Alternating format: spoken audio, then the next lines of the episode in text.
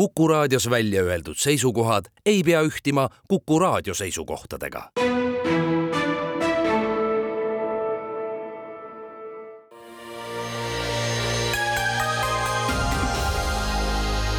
poliitikakuru, kui sina ei tegele poliitikaga, tegeleb poliitika sinuga. poliitikakuru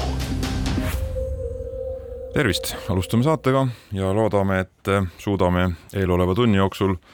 Eesti Vabariigi kursi jälle äh, õigeks keerata ja täna sätivad kurssi Põim Kama. tere päevast! Erik Moora. tere päevast! ja Tõnis Leht ja millest räägime, räägime tülist äh, Varavaparteis, räägime kliimapäästmise kiirendamisest, äh, personaalsest riigist, tähtsatest ametikohtadest, aga loomulikult alustame kõige värskemaga ehk siis nädala kahtlustusega. nimelt on saanud siis äh, avalikkus teada et Riigikogu liige, endine keskerakondlane ja nüüd mõned kuud siis Isamaasse kuulunud Tõnis Mölder on saanud äh, kaitsepolitseilt ja prokuratuurilt äh, kahtlustuse altkäemaksu äh, küsimises katuseraha määramise eest kahe tuhande kahekümne kolmanda aasta riigieelarvesse. Ja Möldri kodus ja töökohas sooritati ka läbiotsimine kapo on seda infot kõike kinnitanud. Ja, ja täpsem info veel, et eh, siis selle katuseraha saaja eh, oli MTÜ Kõo jahiselts eh, summas kakskümmend viis tuhat eurot ja kahtlustus on esitatud ka jahiseltsi juhatuse liikmele ja ka siis kolmandale isikule ehk siis altkäemaksu küsimise nii-öelda vahendajale. kaitse pool esi-, kinnitab küll hetkeseisuga, et altkäemaksu välja makstud Möldrile ei ole Tõnis Mölder ise on loomulikult süüd eitanud ja täna hommikul äh, teatas ta ka kiiresti, et äh, lahkub Isamaa erakonnast ja liitub Riigikogus ja siis ka Tallinna volikogus parteitute nii-öelda aknaaluste seltskonnaga. ja Isamaa erakonna juht Reinsalu ütles, et kommentaariks, et jah, et see Mölderi kahtlustus kuulub aega, kui Mölder oli Keskerakonna liige ja, ja Mölder ei läbinud Isamaas katseaega, seetõttu ka pidi ka niimoodi kiiresti lahkuma, aga ütleme, kui seda kuskilt otsast arutama hakata, siis tundub, et kui Tõnis Mölder oleks eh, pidanud pisut oma nii-öelda poliitilisi hobuseid ja jäänud eh, pidama Keskerakonda kauemaks, siis võib-olla ta ei oleks pidanud ka praegu erakonnast nii kiiresti lahkuma, sest et eh, et selline praktika Keskerakonnal oli nii-öelda sarnaste korruptsioonikahtlusega liikmete kaitsmine ja enda ridades hoidmine nagu palju pikemalt, kui, kui praegu juhtus Isamaaga jah, jah, no, kindlasti see tema värske staatus Isamaas tähendab seda, et Isamaal ei ole põhjust äh, hakata teda kuidagi kaitsma või toetama äh, või seisma selle eest, et äh, et Keskerakonna katuserahadest miski on olnud tegelikult võib-olla õige või põhjendatud või õigustatud või väga vajalik või mis iganes need tavaliselt nende retoorika, mis niisuguste asjade puhul tuleb või kaasneb, et see oleks olnud nende poolt nagu äärmiselt rumal nii et ega seal selles osas midagi muud üle ei jäänud, et lihtsalt nüüd võime arutleda selle üle, et mis siis on Tõnis Möldri poliitiline tulevik ja mõju edaspidi. Ja noh, ilmselt ka see uurimine võtab omajagu aega, et ka kogu see mm, seotud ajaliin tegelikult on ju suhteliselt pikk, arvestades, et äh, ilmselt on siis kapo ikkagi jälginud alates kahe tuhande kahekümne teisest aastast, kuidas see protsess kulgeb, et kui, kui see esialgne uurimisversioon kõneleb sellest, et äh, et Tõnis Mölder Riigikogu liikmena siis tegi teatud kokkuleppe, äh, et tegev, tegevustoetuste väljamaksmisel sellele MTÜ-le, siis, siis osa sellest tegevustoetusest jõuab altkäemaksuna äh, Möldrini, siis, äh, siis sellest ähm, ettepanekust see investeeringutoetus maksta on üle aasta möödas ja arvestades, et see toetus pidi siis makstama välja käesoleva aasta jaanuaris ja makstigi välja käesoleva aasta jaanuaris, et ma arvan, et uurijate ootus on olnud see, et mis siis juhtub, kui see toetus äh, välja makstakse ja, ja kuna sellele on järgnenud äh, läbiotsimised ja kahtlustuse esitamine, et siis äh, siis ilmselt äh, midagi siin on, aga noh, tõesti, et uudis on väga värske, täna hommikune ja kindlasti järgnevad päevad, nädalad toovad selgust juurde, et mis siis täpselt ja kes siis täpselt. poliitiliselt mõistagi Isamaale hoop ja,. jah, jah et oponendid saavad rääkida, kuidas Isamaa poliitik jäi vahele, aga noh, see on nii nagu ta on, et, et Isamaaga on sellel teol seni veel vähe pistmist, kuigi mm, siin on küll see aspekt ka, et et eks seda ole nende nende katuserahade puhul kahtlustatud ja räägitud ju varemgi, et, et mingisugused niisugused, niisugused skeemid on võimalikud, sest et see katuserahade andmine iseenesest on selline juba formaadilt hästi selline sobiv selleks, et esiteks on see olnud ju täiesti subjektiivne, seotud konkreetselt Riigikogu liikmed panevad neid asju sinna nimekirja sõltuvalt oma positsioonist oma erakonna sees,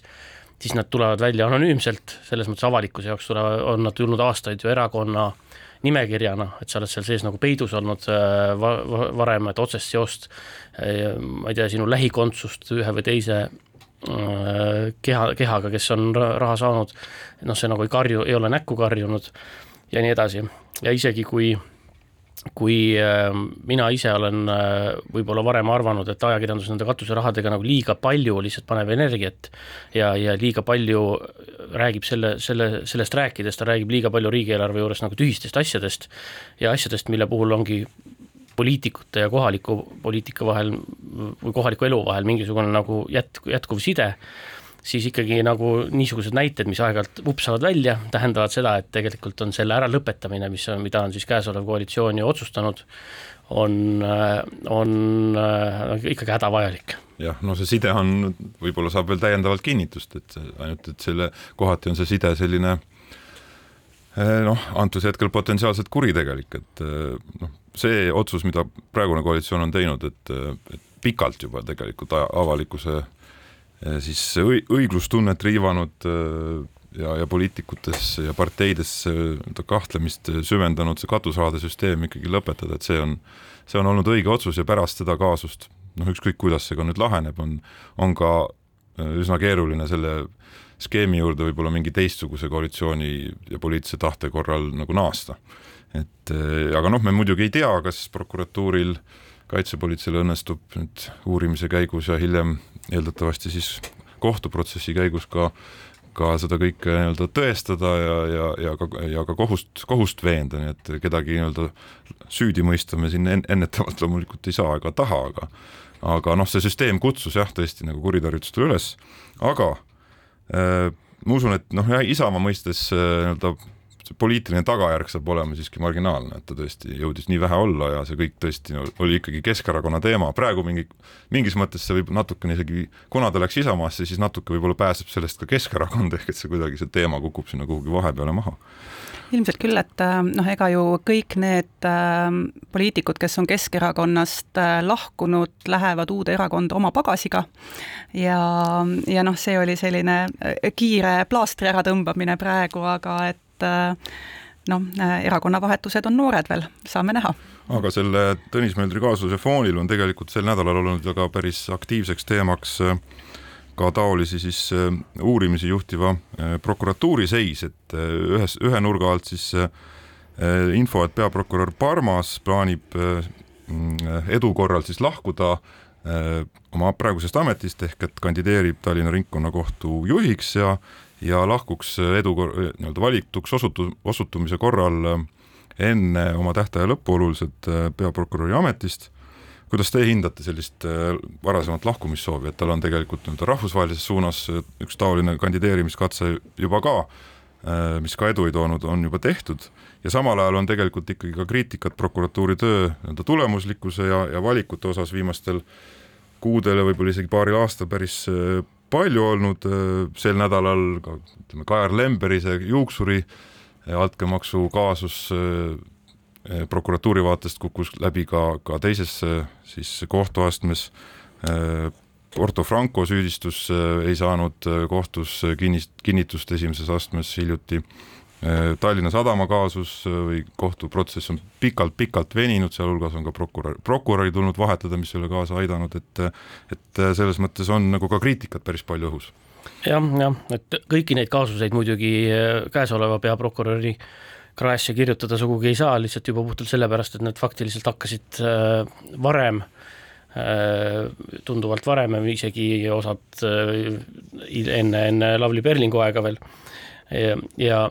aga noh, siiski selle kuidagi kogu selle protsessi fooniks äh, mingil määral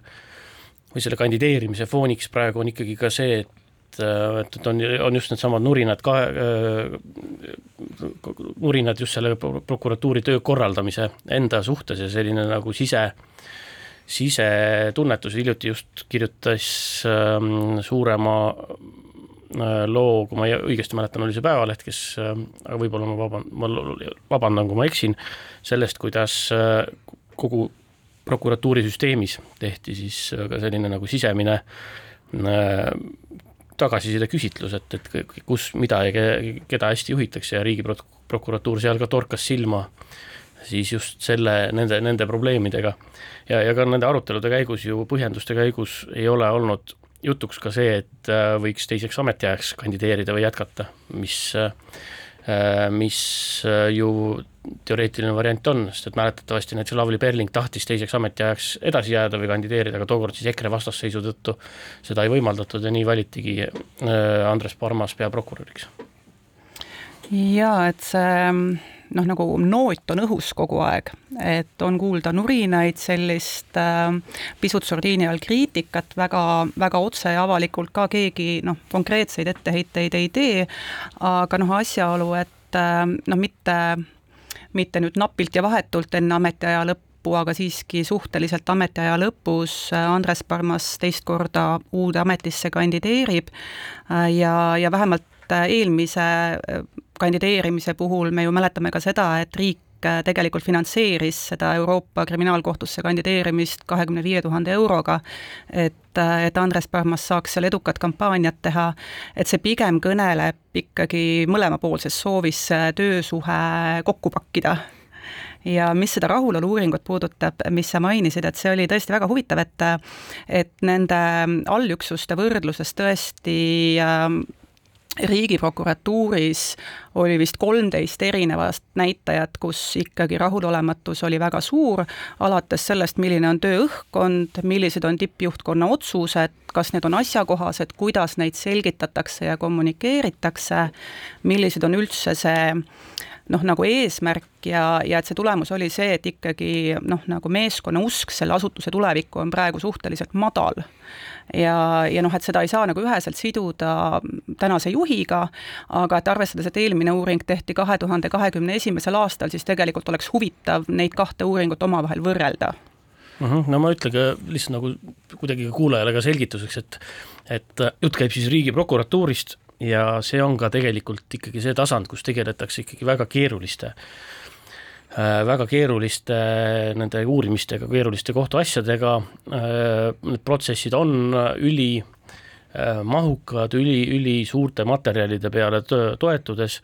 Ja, ja ju tulebki jälle aru saada, et, et kohtus õigeks mõistmine ei ole veel iseenesest mitte kuidagi nagu näide prokuratuuri halvast tööst või või, või kuidagi valest käitumisest või, või millestki muust taolisest, et see on esiteks väga normaalne teiseks tuleb ka aru saada ka, et prokuratuur on mõnes mõttes ikkagi kohtus ka äh, suhteliselt ebavõrdses olukorras selles osas, et, et äh, vastaspoole, kus on väga head, sellele keskenduvad äh, kõrgelt kinni makstud äh, advokaadid äh,, äh, saavad, noh, neil piisab ainult teatud tüüpi kahtluste tekitamisest äh, selles prokuratuuri kaasuses selleks, et, et, et öelda, et, et et sajaprotsendiliselt see ei pruukinud nii olla, nagu nad seda lugu esitlevad või on siin kohati võivad olla üle tõlgendanud, nad võivad nende asemele pakkuda äh, suvalisi tõlgendusi, millel päriseluga ei pruugi mingisugust pistmist olla, aga mida ka kohtulikult ei saa kuidagi ümber lükata, sest et tõesti võib-olla olidki mingid sõnad tähendasid midagi hoopis muud kui see, kuidas kõik neist võib-olla tavamõistuse järgi aru saaks ja nii edasi. et ühesõnaga, äh, kuidas nüüd öelda, süü tõe, tõendamise koorem keerulistes asjades, kus äh, ei ole seda baasmateriaalset tõendit äh, üles filmitud altkäemaksu andmise akti ja muud niisugust, ongi lihtsalt väga raske töö. absoluutselt ja väga äh, suure aja, aja ja närvikuluga töö loomulikult ka, et, et selles mõttes, eks see prokuratuuri üks keskseid hädasid ongi see prokuröride ülekoormatus, äh, eriti selliste, eriti oluliste silmatorkavate, keeruliste poliitilise mõõtmega korruptsiooni sisuga kaasuste uurimisel ja, ja ka kohtus kaitsmisel, et äh, või läbiviimisel, et et noh, see ongi väga suur töökoormus. Ja, ja noh, see ja see töö, sisemine töökorraldus loomulikult saab seda mõjutada, et eks peaprokurör Parmas on ka kinnitanud, et neid sellesuunalisi muudatusi reforme on seal tema ajal ka tehtud, kindlasti ka on, et ja on ka tegemises praegu just nende samade majandus- ja nende kuritegude ju jaoks loodi eraldi prokuratuur just äsja, vastav otsus on tehtud ja selle nagu ellurakendamine praegu käib. nii et noh, võib loota, et see nii-öelda prokuröride vahetamine läbipõlemise tõttu ehk see olukord ikkagi nüüd tulevikus paraneb ja siin on ka veel see struktuurne asi, et tegelikult kogu seda kriminaalkohtumenetluse äh, korda tegelikult oleks Eestis vaja kindlasti reformida, oleme seda siin, siin saates varemgi rääkinud, aga lihtsalt kogu see loogika, et, äh, et see kestab aastaid, sadu ja sadu istungeid, kus igal istungi osapoolel, kes sellest vähegi huvitatud on, on võimalik seda täiendavalt venitada, kunstlikult äh, pikendada, ol-, olla haige, puududa ja nii edasi Äh, pluss ka see, et seal kohtuprotsessis endas asju, mida saaks teha äh, lihtsalt kirjalikult või nii-öelda ka selles avalikus kohtumenetluses äh, mingisuguseid asju, mida tänapäeval kuidagi tundub mõistusevastane seal kohtusaalis kedrata, kedrata ja läbi, läbi ette lugeda ja, ja, ja teha Äh, siiski niimoodi tehakse ja, ja nii see kestabki aastaid ja loomulikult inimestel tulevad muud eluvalikud, seal kes saab lapse, kes läheb teisele tööle, kes kandideerib kuhugi edasi. ja siis jällegi sisuliselt prokuratuuri vaatest peab hakkama asi otsast peale, jälle kogu seda materjali läbi töötama, peab hakkama uus inimene ja nii edasi, et see on äh, lihtsalt mõttetu inimeste väntsutamine igas mõttes. jah, ja prokuratuur on oma tegevusega tege-, ajakirjanduse avalikkuse terava tähelepanu all ja on seda kriitikat saanud palju Äh, võib-olla kohati ka õigustamatult, tihti siiski ka õigustatult, aga ma arvan, et selle nii-öelda avalikkuse järelevalve ja, ja, ja, ja ajakirjanduse kriitikaga on meil hästi. ehk et äh, prokuratuuriga tegevusel on nii-öelda piisav selline tähelepanelik äh, silm peal ja noh, see omakorda tähendab, et me võime prokuratuuri ikkagi usaldada ja, ja eksimisõigus on ka prokuratuuril olemas, lihtsalt vigu teha mingis mõistlikus ulatuses ja, ja nii nagu Eerik, sa varem kirjeldasid, et on, ei saa eeldada et, et sada protsenti juhtumeid äh, kahtlust, sada protsenti kahtlustustest, nendest saavad süüdistused ja siis edasi jõutakse kohtusse ja ka süüdimõistmiseni, et see, need on teised riigikorrad, kus sada protsenti on eduprotsent, et et peab olema ka võimalus äh, nii-öelda lõpp, edukas mitte olla lõpus kohtufaasis, nii et aga teeme väikse pausi nüüd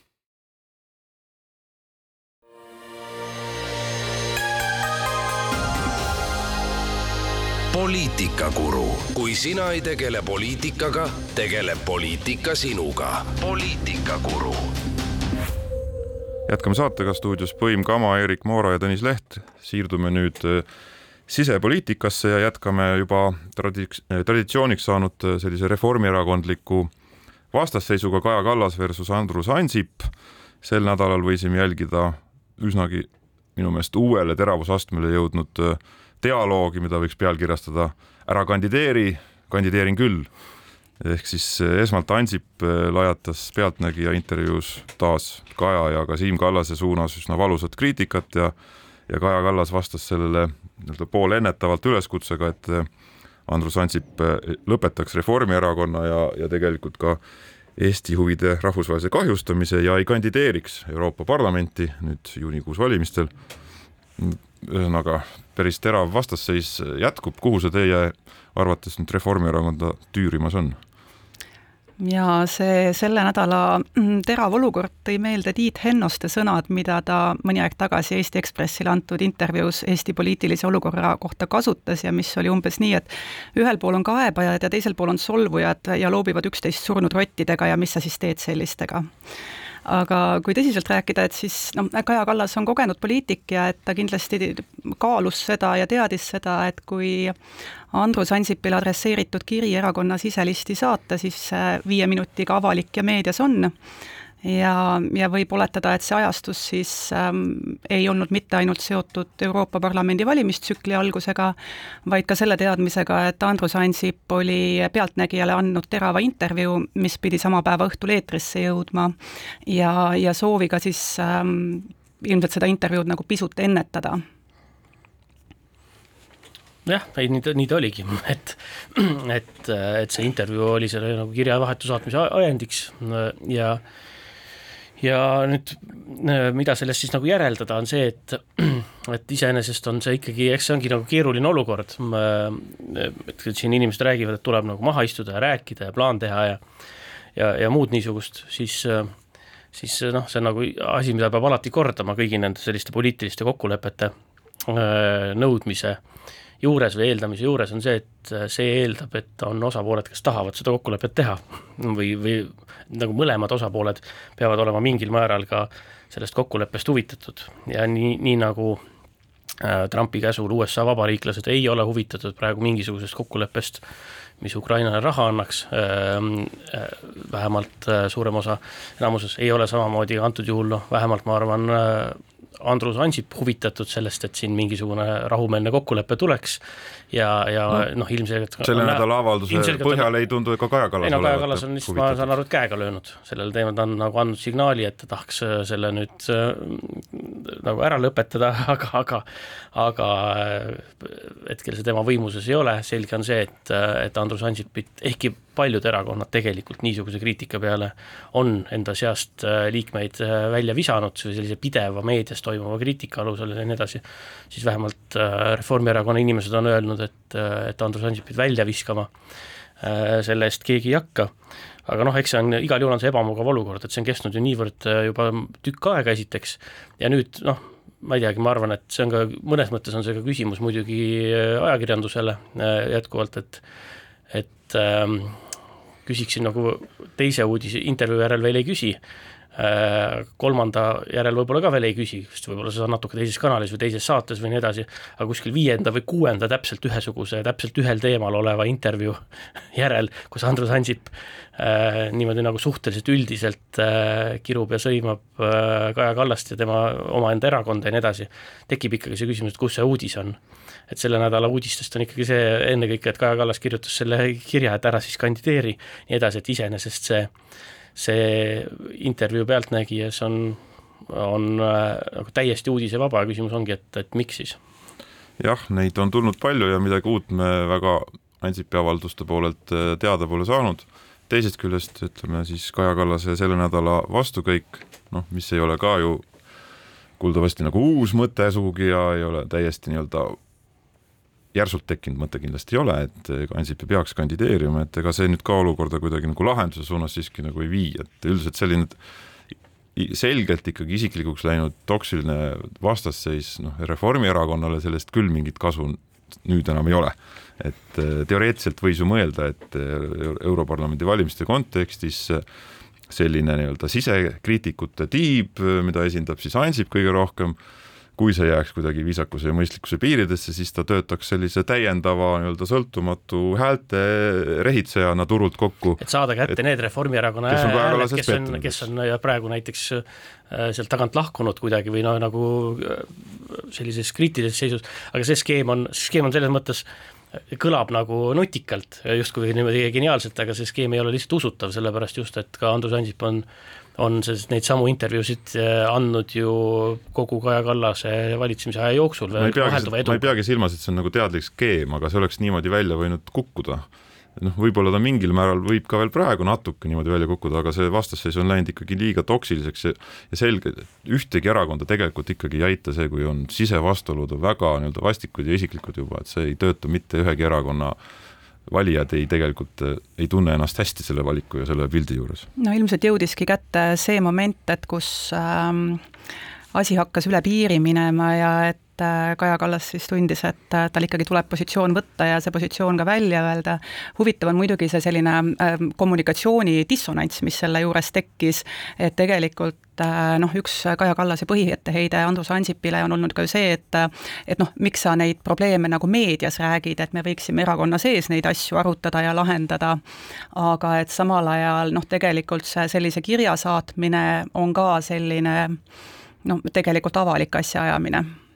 aga ma arvan, et siin seda äh, temperatuuri tunnetab võib-olla Kristen Michal kõige paremini, kui ta eilses Esimeses stuudios ütles, et äh, ühiskonna ja ka erakonna liikmete ootus äh, juhtimisele on, on midagi muud kui see, mis välja paistab, ehk see valimistel saadud enneolematut mandaati, sellega kaasnevat mõju, võimalusi ja, ja tähelepanu, et sellele leiaks ka oluliselt paremat rakendust jah, et äh, kindlasti ei, ei tee selline terava vastus, vastasseisu omamine erakonnas äh, Kaja Kallasel peaministri ja siis erakonna juhi ametis püsimist kuidagi nagu kergemaks, et äh, et selleks, et nagu pikaajaliselt oma positsiooni hoida, peaks nagu selle teema ikkagi kuidagi suund-, suutma maandada, aga noh, eks ta samas nagu hetkel varjutab tõmbab nii-öelda hapnikku ära ka teiste kriitikute, nii-öelda mõõdukamate kriitikute suust mingis mõttes, et kes ei soovi nii-öelda Ansipi kõrvale no, sellele sarnasele püünele praegu sattuda sise, sisekriitikuna. Jah, selles kontekstis lisab siis vürtsi see mm, eile Eesti Päevalehes ja Delfis avaldatud äh, info, et Euroopa liberaalide seas äh, vähemalt sealses nagu kõrgemas ešelonis või tasemel käiakse Kaja Kallasele äh, peale, et ta kandideeriks siis kogu selle liikumise üle-euroopalise tipukandidaadina äh, ka Euroopa Parlamenti ja nii edasi, mida Kaja Kallas seni on eitanud, et ta teeb ja, ja öelnud, et ta ei soovi kandideerida. no see, see nii-öelda tipukandidaadi positsioon tingimata ei eelda parlamenti kandideerimist no vist ikka oleks loogiline, et, et kõrvalt, kõrvalt see tipukandidaat olla on, on, tundub kuidagi selline ebasiiras, et, et ka selle, selle asja jaoks mingisugust mandaati oleks vaja. et siis oleks, see oleks iseenesest noh, tooks siia intriigi juurde, sest et eeldada ikkagi ju võib, et Andrus Ansip nüüd kandideerib ja ilmselt siiski mitte Tõnis Möldri asemel Isamaa nimekirjas. aga teeme taas väikse pausi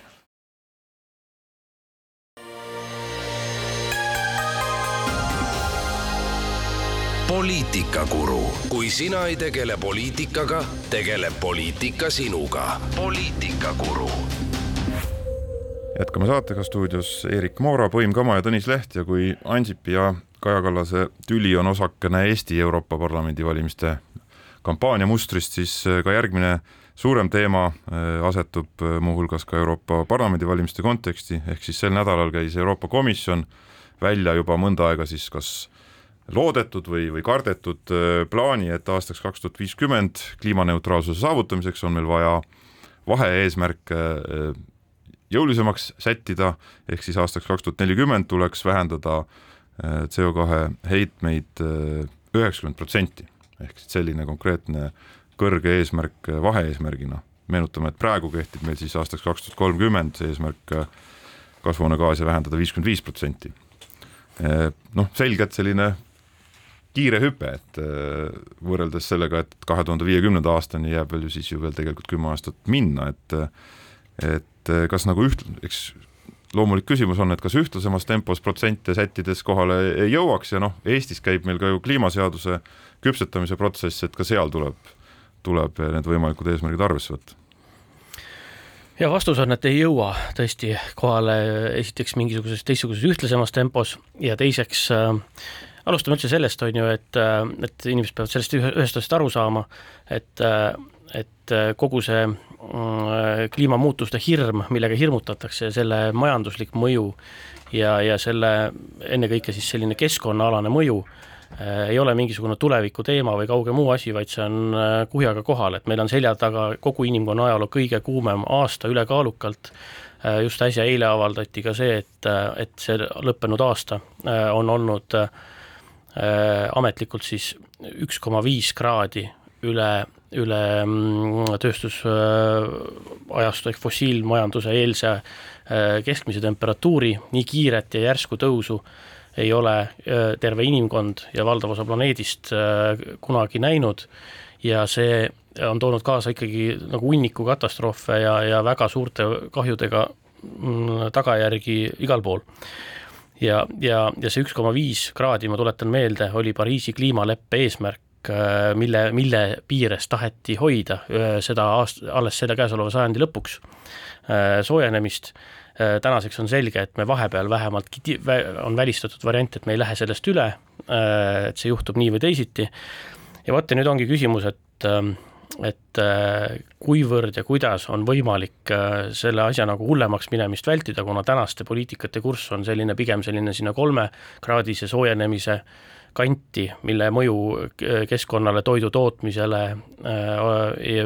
majandusele laiemalt, ühiskond, tervetele riikidele, rahvastele oleks ikkagi väga-väga ränk ja looduse, elusloodusele ka niisamuti ja, ja see või nii-öelda nagu täitsa kontrollimatu isegi sellest sellise määra juures ja küsimus on see, et kas selle allatoomiseks on siis, mis see üldse nagu see usutav tee on. ja seda asja kõige paremini arvutatakse läbi niisuguse asja nagu süsinikueelarve, mis öeldakse, et kui palju veel siis kasvuhoonegaase kokku saab inimkond, riik, rahvas õhku paisata et meil oleks üldse, säiliks mingisugune lootus nendesse piiridesse, mis on siis praegu Pariisi kliimaleppe eesmärk oli mäletatavasti vähemalt kaks, kahe kraadi piires soojenemine, aga nii lähedal kui ühe, ühe koma viiele kui võimalik ja, ja siis, et, et neid piire sinna, et seda allapoole tuua, seda praegust ligi kolmest soojenemist, siis selle jaoks on vaja, et, et suured äh, tööstusriigid, äh, jõukamad riigid ennekõike, tooksid oma heitmeid alla väga kiiresti, äh, oluliselt kiiremini kui see kaks tuhat nelikümmend aasta, et kahe tuhande neljakümnendaks aastaks peaks lõviosa olema juba alla toodud, seal iga aasta sisuliselt loeb sedasama süsiniku eelarvet ammutatakse iga aasta sellises mahus praegu ära, et et äh, et vastasel juhul noh, ühesõnaga on väga suur vahe, kas me proovime saastame nagu ise tahame kuni aastani kaks tuhat nelikümmend üheksa ja siis keerame järsku nulli, nagu siin väga paljud mõtlevad äh, väga paljudes tööstusharudes, siis see tähendab seda, et me oleme paisanud selle süsiniku eelarve mitmekordselt lõhki. või teine variant on see, et nii kiiresti kui võimalik, äh, kus vähegi saab, see alla tuua ja, ja, ja siis äh, seda keerulist ja kallist, seda saba, neid viimast otsa heitmetest äh, paratamatult tuleb pikema aja jooksul äh, nullida. no selle teema nagu mõistmise tuumprobleem on selles, et noh, kliimamuutused on viimasel mõnel aastal nähtavalt järsult ikkagi mõnevõrra ikkagi veel ootamatult kiirenenud, samas see nii-öelda negatiivne vahetu mõju kui vaatame Eesti mätta otsast, ei ole siia nii-öelda käegakatsutaval kombel ju päriselt ikkagi kohale jõudnud. Ja noh, erinevalt siis ütleme nendest saareriikidest eh, Vaikses ookeanis, mis eh, merepinna tõusu tõttu juba upuvad või siis paljudest lõunapoolsetest eh, maadest, kus, mis vaevlevad pikkade põudade, rajude tormide käes või ka kui liigume siia lähemale, siis Lõuna-Euroopa samamoodi kannatab metsatulekahjude ja põ, siis põua ja, ja kuumalaine perioodide käes juba praegu ja sealsed inimesed on noh, hakkavad seda otsest seost kliimamuutustega selgemalt tajuma või paratamatult, et meile õnneks ei ole need eh, vahetud eh, ülinegatiivsed keskkonnamõjud veel eh, kohale jõudnud, seetõttu ka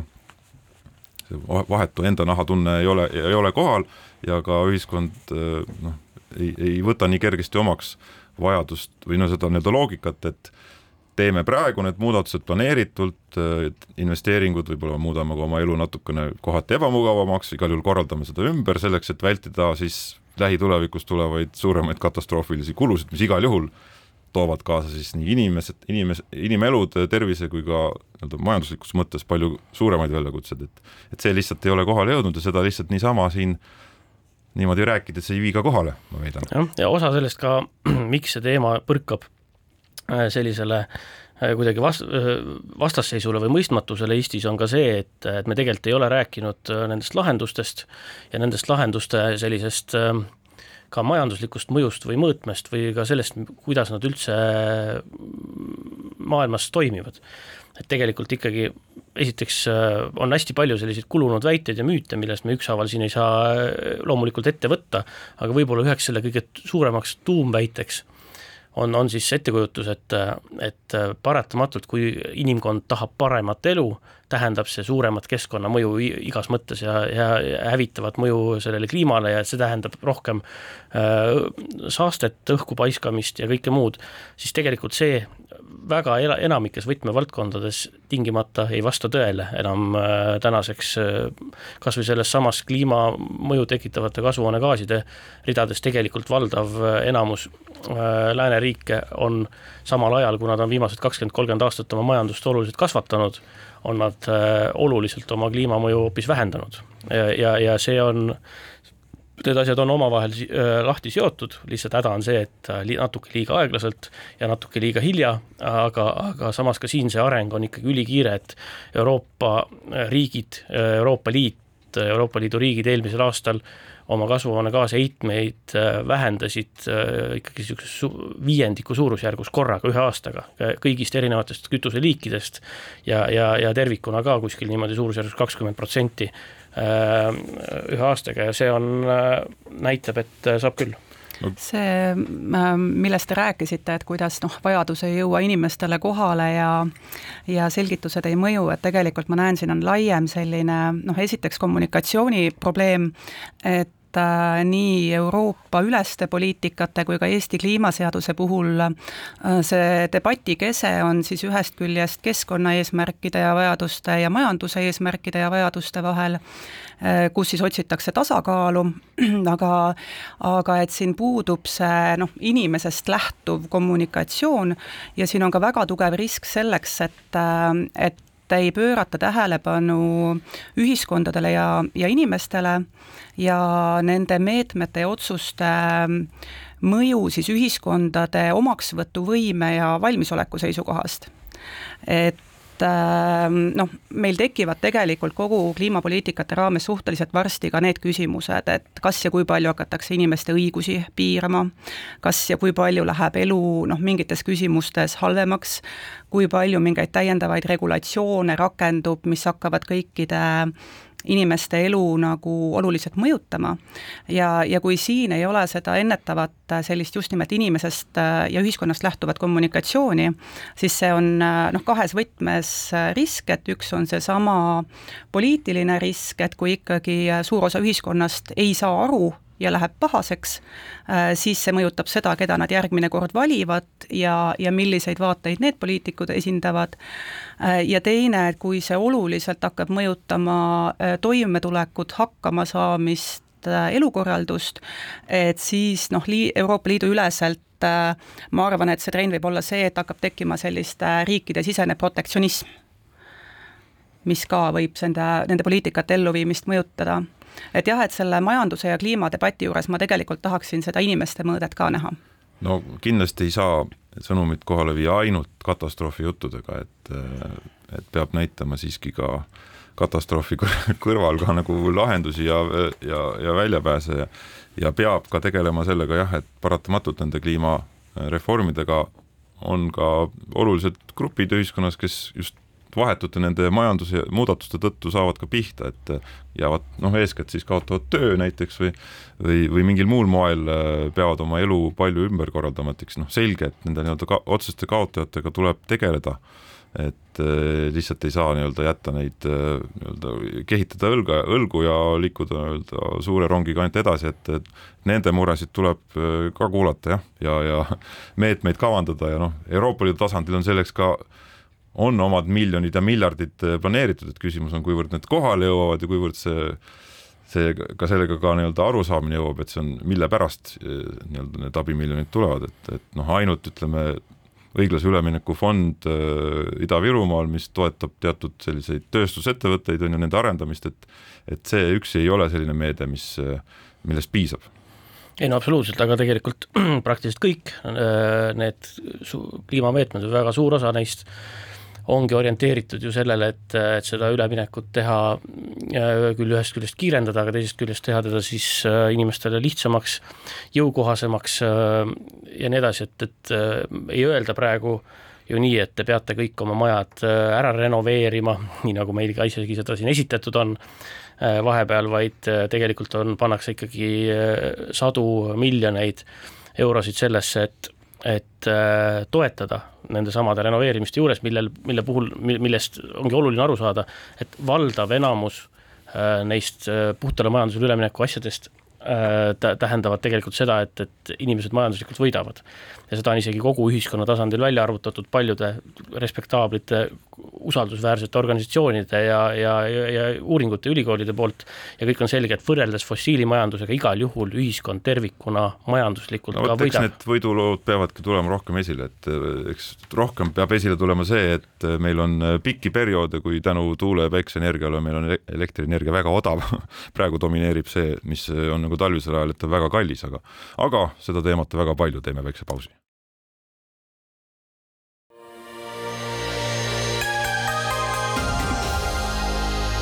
Poliitikakuru, kui sina ei tegele poliitikaga, tegeleb poliitika sinuga. poliitikakuru.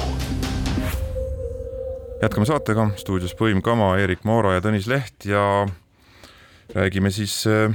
personaalsest riigist, võib-olla ka mõnest teisest äh, majandusväljavaatest, nimelt äh, eelmisel nädalal siis tutvustas majandus- ja infotehnoloogia minister Tiit Riisalo kava, kuidas kahekordistada Eesti majandus aastaks kaks tuhat kolmkümmend viis. sel nädalal tutvustati personaalse riigi arendamise plaane. see võiks siis ka ministri hinnangul sisaldada endas kahesaja miljoni suurusjärgus laenuraha võtmist, et personaalset riiki arendada, sinna investeerida ja see pole ka veel kõik, suutis minister Riisalu algatada ka arutelu siis sisserände piirarvu suurendamise osas ehk et jututeemasid kõvasti, aga esimene küsimus, et kas, kas nüüd selle nädala keskne teema, et see personaalne riik, et kas see visioon muutus selgemaks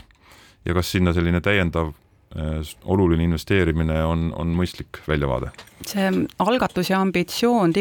digiriiki arendada igal juhul on teretulnud, sest et sellest, et eh, et meie e-riik on alainvesteeringu, alainvesteeritud ja nagu ajale jalgu jäänud, et see on, on pikalt õhus olnud ja noh, et see teatud infosüsteemide kor-, koondamise ja sünkrone-, sünkroniseerimise vajadus on ka pikalt teada olnud, et et nii riigil kui omavalitsustel ongi inimeste kohta väga palju andmeid, aga need on lihtsalt erinevates kohtades laiali, neid ei saa omavahel võrrelda ja, ja koos töödelda ja, ja tõhusalt kasutada. ja, ja noh, väga palju selle e-riigi ehitamise vältel on olnud ka ju niisugust Euroopa Liidu vahenditest projektipõhist põhist ähm,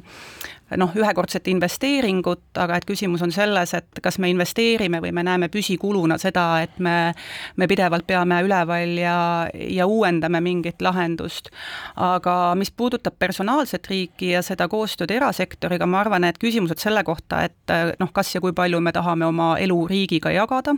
on väga põhjendatud, see debatt tulebki ühiskonnas maha pidada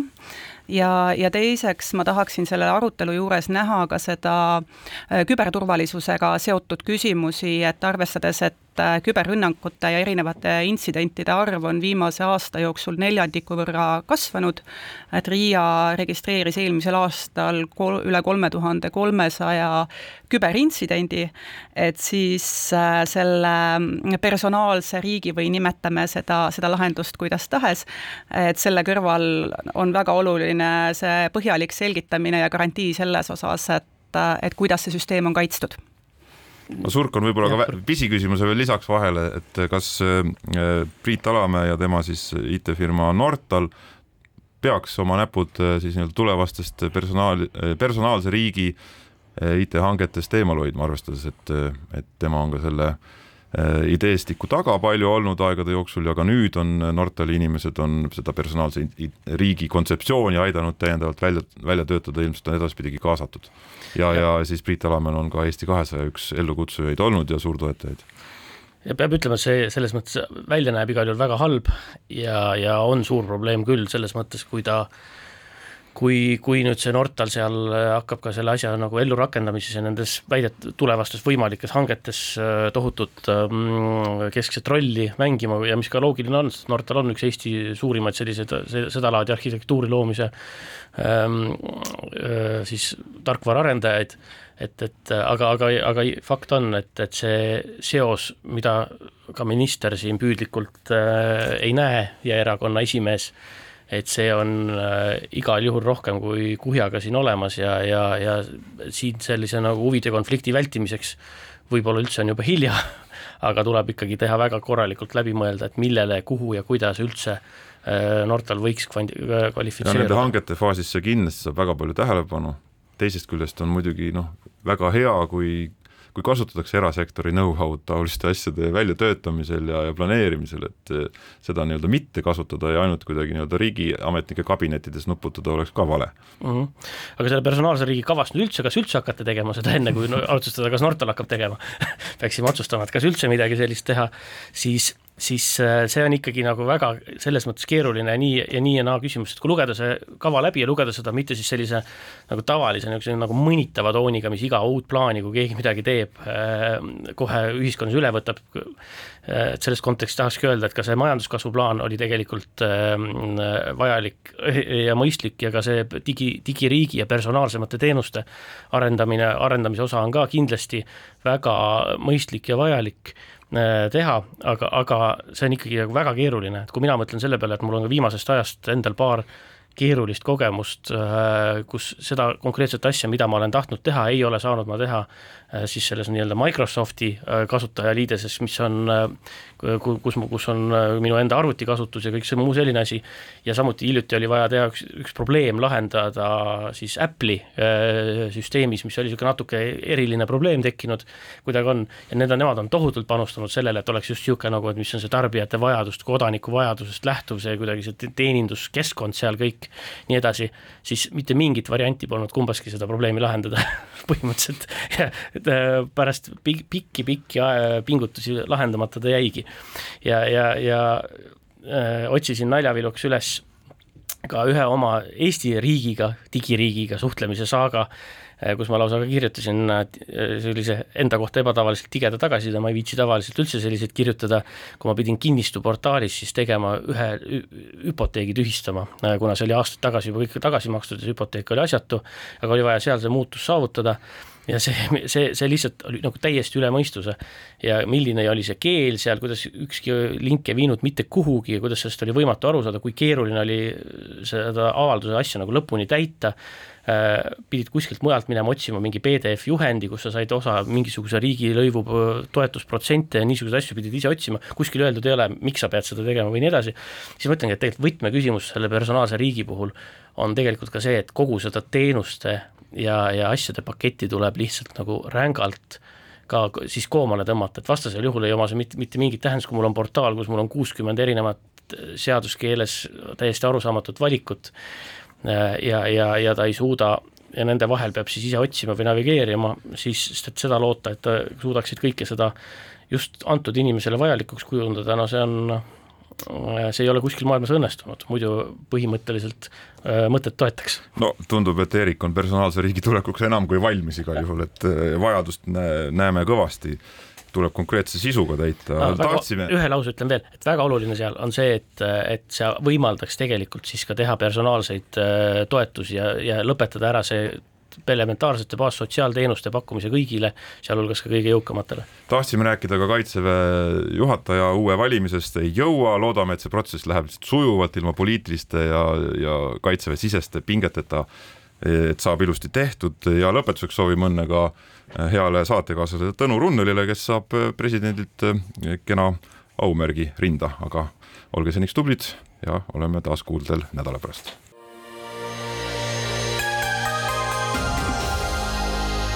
poliitikakuru, kui sina ei tegele poliitikaga, tegeleb poliitika sinuga. poliitikakuru